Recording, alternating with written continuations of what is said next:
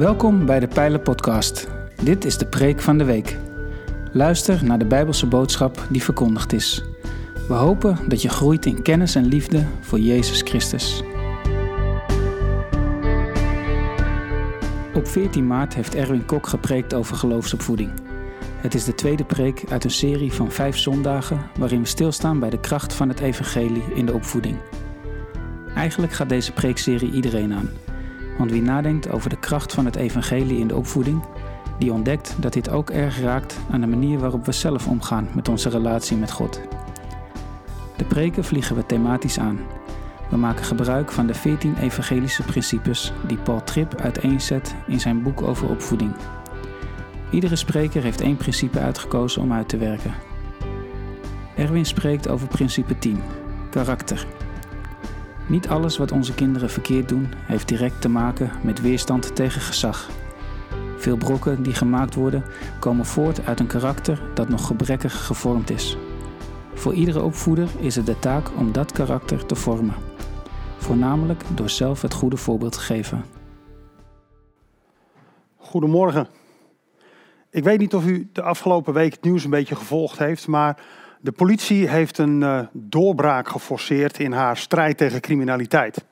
De berichtenservice EncroChat werd uh, gekraakt en daardoor kon de politie ongehinderd in een heleboel gesprekken meeluisteren, meekijken, meelezen van criminelen die allerlei dingen planden, van drugshandel tot overvallen, inbraken en allerlei andere dingen die we met z'n allen niet zo denderend vinden. En op de een of andere manier moest ik daarbij denken aan het onderwerp van vandaag. Karakter. We gaan het vandaag hebben over karakter. En karakter is wat je bent als niemand kijkt. Het zijn de dingen die je niet doet omdat ze zo goed worden opgevangen door andere mensen, maar het zijn de dingen die je doet omdat je diep vanuit je binnenste, van wie je bent, van hoe je gemaakt bent, die je drijven om een bepaald gedrag te laten zien. Die encrochats, die, al die berichten van die criminelen, daar stond van alles en nog wat in wat ze liever niet hadden gewild dat de politie had geschreven, had gelezen. En er zijn ook arrestaties verricht, dus die mensen die voelen zich helemaal een beetje uh, nou ja, lullig. Inmiddels begreep ik gisteren in het journaal dat er alweer een nieuwe berichtenservice is opgedoken en het spel begint weer van voren af aan. Maar er zit iets heel menselijks in. Wij willen niet dat er iets of iemand is dat ons op allerlei momenten kan zien, dat ons op allerlei momenten kan beoordelen, kan evalueren wat we doen. We willen niet dat er iemand over onze schouder meekijkt.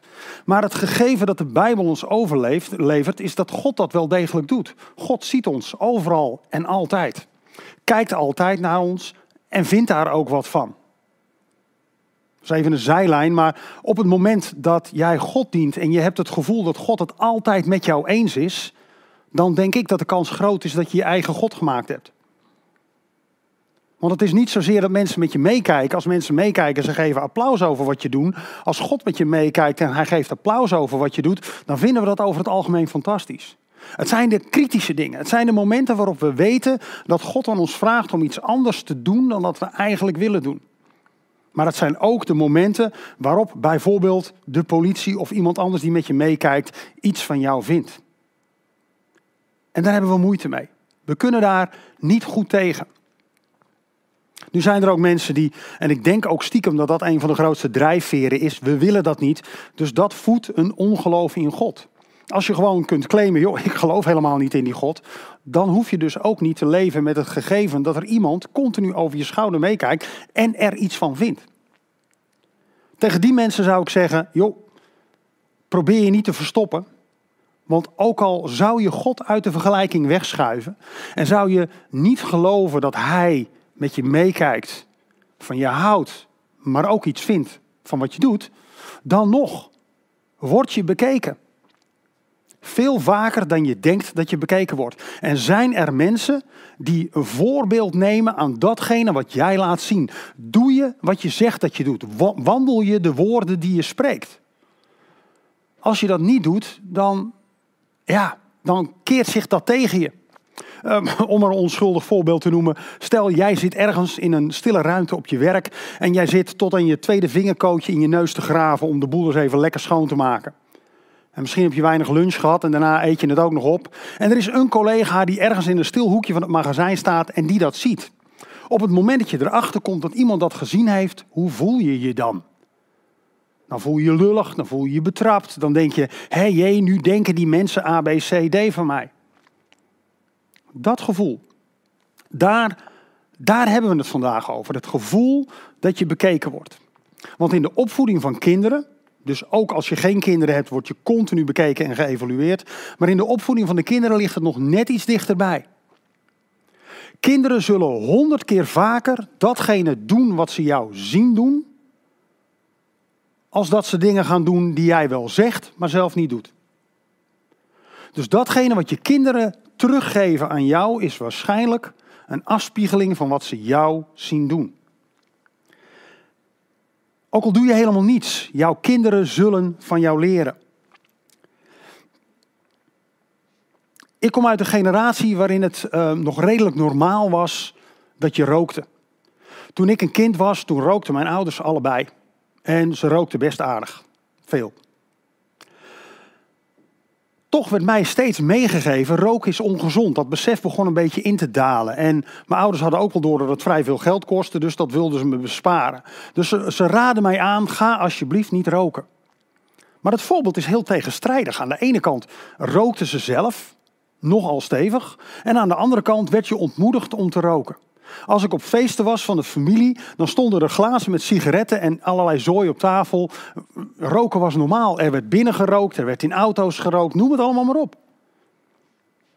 Uiteindelijk hebben mijn ouders me ook het voorbeeld gegeven dat je ook best kunt stoppen, als je maar wilskracht genoeg hebt. Maar het tegenstrijdige van het tegen je kinderen zeggen dat je iets niet moet doen, terwijl je het zelf wel doet, dat slaat ergens op slot in het hoofd van het kind. In mijn geval kan ik zeggen dat het meer geluk dan wijsheid is geweest dat ik nooit ben gaan roken. Ik kan er gewoon heel slecht tegen. Het voorbeeld, dat is hetgene wat we geven. En Paulus, die weet, waar dat, die weet hoe het werkt. Die weet hoe de wereld werkt.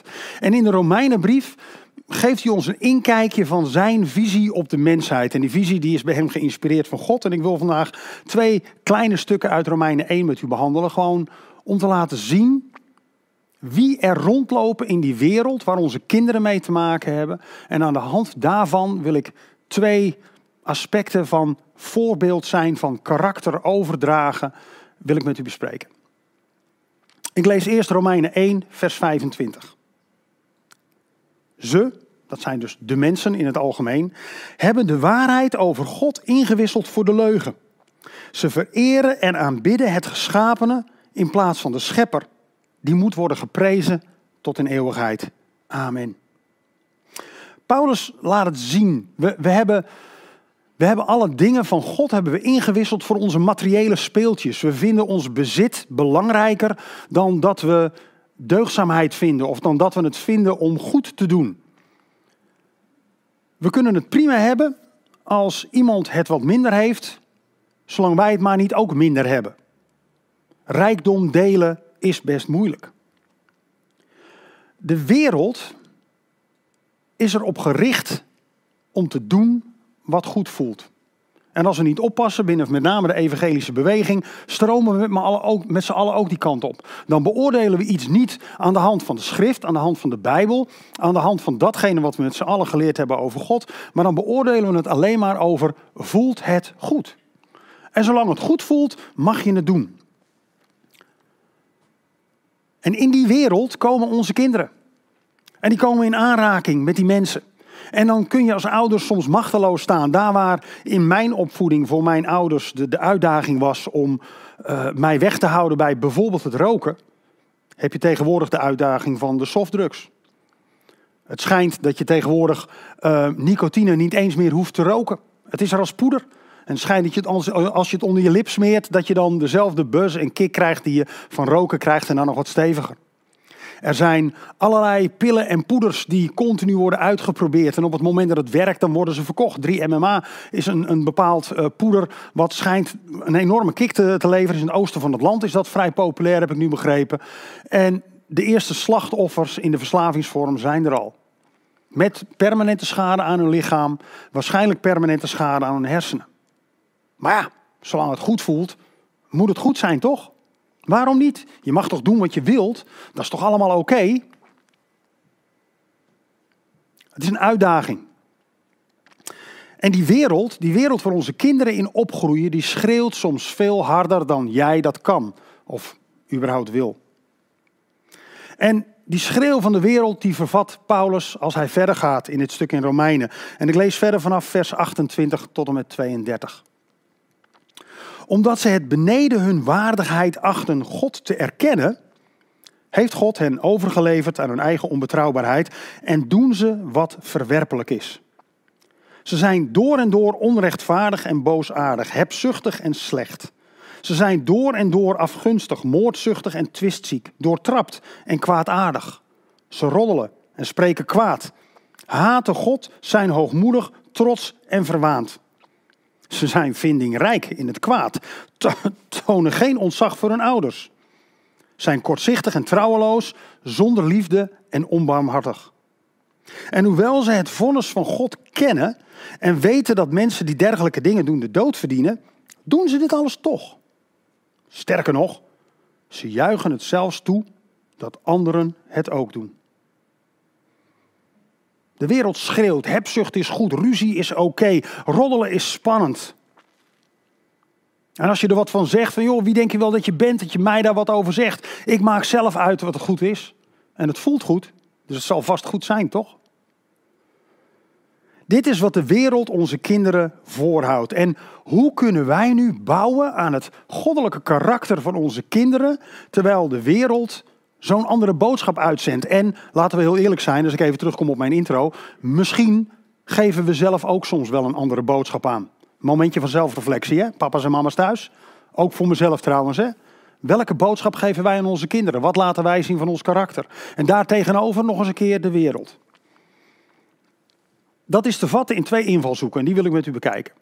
De eerste invalshoek die ik wil gaan bekijken is de invloed op onze kinderen die we zelf in de hand hebben.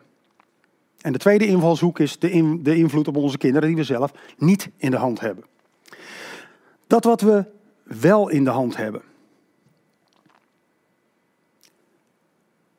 Zoals ik in het begin al zei, als je zelf niet voorleeft hoe het is om een leven te leiden van aanbidding, om God als hoogste Heer aan te roepen, om Hem te betrekken in alles wat je doet, Gods woord te lezen, dan is de kans groot dat je kinderen dat gedrag gaan kopiëren. Het karakter van je kinderen is een samenvoegsel van karaktertrekken van jou en je partner. Mijn kinderen zijn bijvoorbeeld vrij bij de hand. Hebben ze van Meerte. Lijkt me logisch. De karaktertrekken die jij hebt, die je partner heeft, die worden samengevoegd in je kind. En daarna gaat het cultiveren. Daarna wordt het gevormd door ervaring. Daarna wordt het gevormd door de tijd die erin steekt. Door de voorbeelden die het gespiegeld krijgt. En die voorbeelden die leveren wij. En het is geen garantie dat het dan meteen allemaal goed gaat. Absoluut niet zelfs. Als we in de Bijbel lezen, dan weten we dat David, zijn zoon Salomo, die begint fantastisch. Maar aan het einde van de rit blijkt hij toch net te veel gaan, te gaan voor datgene wat goed voelt, in plaats van datgene wat zijn vader hem geleerd heeft. Koning Hiskia, die zijn zoon Manasse heeft. En Manasse doet het ook totaal anders dan koning Hiskia deed. Er zijn voorbeelden te over dat het juist voordoen en het juiste karakter hebben niet een sluitende oplossing is voor het kweken van het juiste karakter bij je kinderen. Nou, wat kunnen we dan wel doen? Wat we kunnen doen is in ieder geval duidelijk zijn. We kunnen duidelijk zijn en uitleggen waarom wij bepaalde dingen een onverstandige beslissing vinden. Geef er woorden aan. En op het moment dat je komt met je kind op een punt waarin het kind wil kiezen A en jij liever zou hebben dat ze B zouden kiezen, dan komt er een belangrijk besluitmoment. En dat is voor jou als ouder. Wil je de verbinding behouden of vind je de verbinding minder belangrijk? Vind je het belangrijker dat ze gewoon zwart-wit leren wat goed en fout is? Als je de verbinding wilt behouden, dan zul je moeten meeveren. Dan zul je moeten accepteren dat je kinderen langzamerhand andere keuzes gaan maken dan dat jij gemaakt zou hebben. We leven in een andere tijd, er zijn andere invloeden en echt, je hebt niet alles in de hand. Dat is van alle tijden. Dus als je inzet op het vasthouden van die verbinding, dan ga je met je kind in gesprek. Dan leg je uit of dan zoek je naar de woorden achter de redenen waarom jij iets geen goede keuze vindt. En dat kan best moeilijk zijn. Als je kind kiest om te gaan samenwonen terwijl jij een huwelijk de beste keuze zou vinden. Hoe ga je daar dan mee om? Je kunt zwart-wit op de sokkel van jou gelijk gaan staan en zeggen: en zo is het en niet anders. En dan verbreek je de verbinding. En de kans is vrij groot dat je kind toch wel gaat samenwonen en dat je de verbinding kwijt bent. Dus als het al misgaat, komen ze dan nog bij je terug voor advies? Of voelen ze zich dan dusdanig afgewezen dat ze nooit meer om advies zullen komen vragen? Er iets tegen doen of het er niet mee eens zijn, zijn twee verschillende dingen. Je kunt het prima ergens mee eens zijn zonder dat je er meteen iets aan wilt doen. En je kunt ook woorden geven. Waarom? Zoek daarnaar. Dat is een uitdaging. En als je het voor elkaar krijgt om die woorden goed te vinden, en daar kun je ook hulp bij zoeken, dan zul je zien dat de verbinding behouden blijft. En dat je kind weet dat ze iets doen wat tegen jouw principes ingaat, maar dat ze toch jou blijven zien als moeder, als vader, als iemand die hen voordoet hoe je probeert vast te houden aan je normen, aan je waarden en hoe dat in jouw karakter past. Probeer ze te blijven begrijpen, ook al begrijp je er niets van. En dat is hartstikke moeilijk. In 1 Samuel 8 lezen we een voorbeeld tussen God en het volk Israël. En daarin zit deze opvoedsituatie. Het volk Israël wil een koning. En net zoals iedere dreinende kleuter, waarom willen jullie een koning? Omdat de anderen er ook een hebben. Alle volken om ons heen hebben een koning. Wij willen ook een koning. Samuel, jij wordt oud. Samuel moet weg. En dan moet er een koning komen. Want Samuel zijn zonen, ook al, deden het anders dan dat Samuel het gewild had. Dus Samuel zijn zonen waren geen geschikte opvolgers. Dus wij willen een koning. En Samuel gaat met die vraag naar God. En God zegt, joh, geef ze hun zin. Geef ze hun koning. Maar leg ze wel uit wat de gevolgen zijn. En Samuel doet dat. En Samuel gaat naar ze toe en zegt van jongens, God heeft gezegd dat we voor een koning gezorgd. Maar onthoud wel, de koning gaat jullie bezit opeisen in belasting. Wij willen een koning. De koning gaat jullie zonen meenemen in een oorlog en dan zullen ze afgeslacht worden door andere landen. Toch willen wij een koning. En de koning gaat jullie dochters tot zijn vrouw nemen en misschien wel weggeven aan koningen van andere landen. Om zo bondgenootschappen te zweden en daarmee jullie bezit ook nog eens een keer in te zetten. En toch willen wij een koning. Het volk Israël is daar net een dreinende kleuter. En wat doet God? Wat volgens mij iedere ouder zou moeten doen. Uitleggen waarom het geen goed idee is. En daarna accepteren dat zij de keuzes maken maar ook de consequenties moeten dragen als het misgaat. En dat gebeurt, zo kunnen we in die geschiedenis lezen. Geef aan dat het gedrag gevolgen heeft. Als jij dit kiest, dan gebeurt er waarschijnlijk dat. Het tweede punt is dat wat we niet in de hand hebben. Als je nu nog kinderen hebt tussen de 0 en de 10, wees blij. Ergens boven de 10 ga je opnieuw leren vasthouden. Op een andere manier je kinderen leren vasthouden. Want de tijd dat ze dingen gaan doen die buiten jouw gezichtsveld zijn, neemt vanaf een tiende jaar steeds meer toe. Mijn jongste is 18. En er zijn momenten, dan zie ik hem gewoon hele dagen niet. We hebben gelukkig wel de, de overleg met elkaar, zodat ik weet waar hij is. Maar ja, dan is hij gewoon niet thuis. Hij regelt zijn eigen dingen wel tussen die 18-jarige zoon van mij en misschien wel jouw 10-jarige kind, daar zit een groeiproces. Een proces van langzamerhand accepteren dat de wereld waarin ze zijn meer contact heeft met hen dan dat jij als ouder hebt. En dan komt het erop aan, durf je te vertrouwen op het zaad wat jij gezaaid hebt.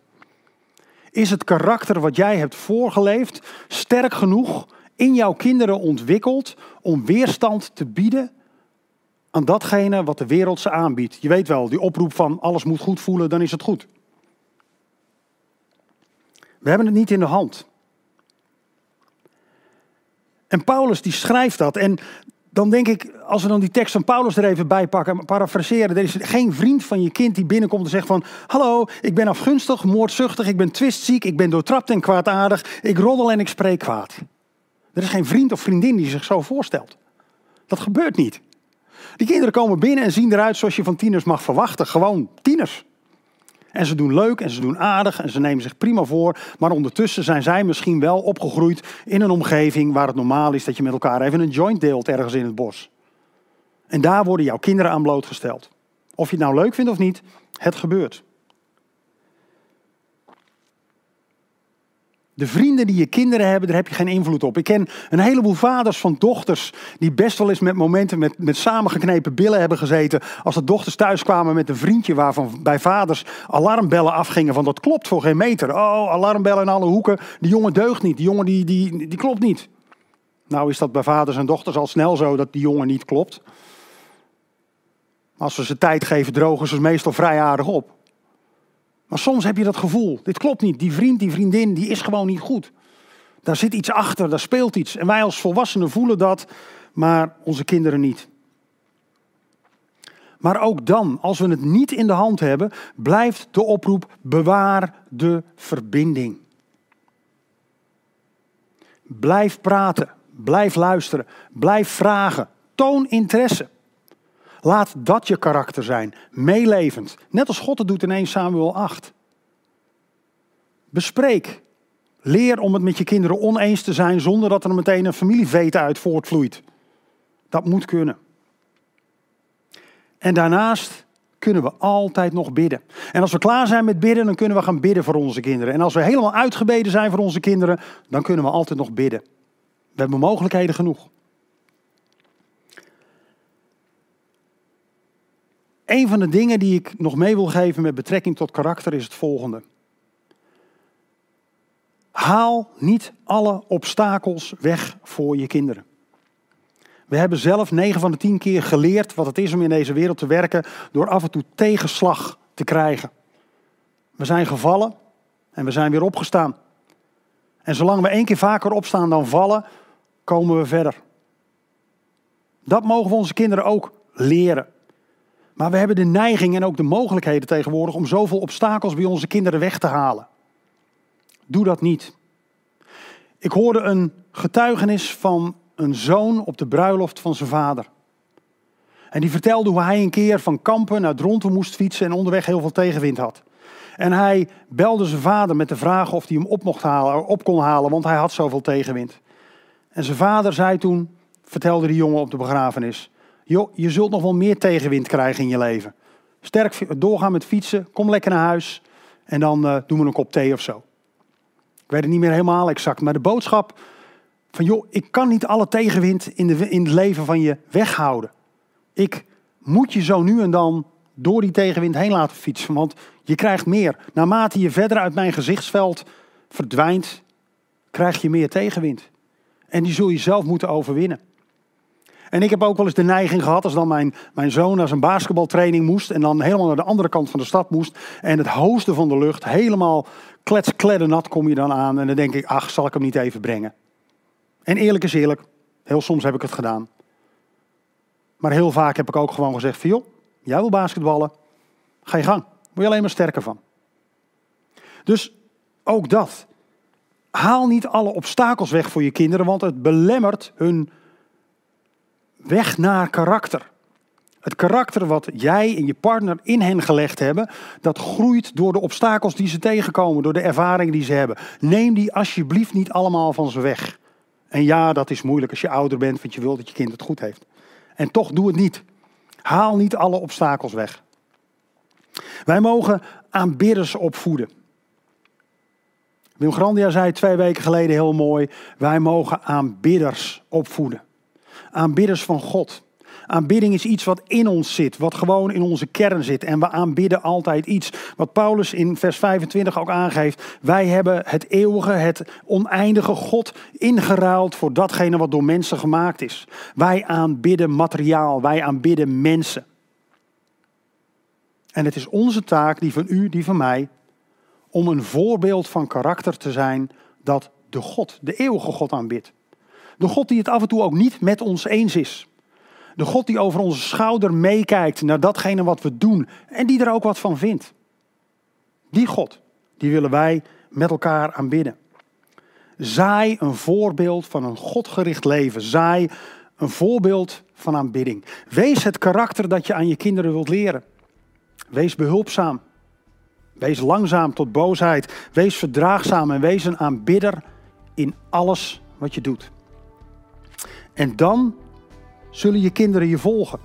Misschien niet meteen. En misschien niet precies op de manier zoals jij dat voor ogen zou hebben. Maar heb geduld en vertrouwen en bid. En dan zal het karakter dat gevormd wordt in de eigenschappen van jou en je partner en dat God in hen heeft gelegd en bewerkt, dan zal dat komen opbloeien. Soms veel later dan je wilt. Maar werk aan dat karakter door zelf dat karakter te weerspiegelen wat God van je vraagt. Amen.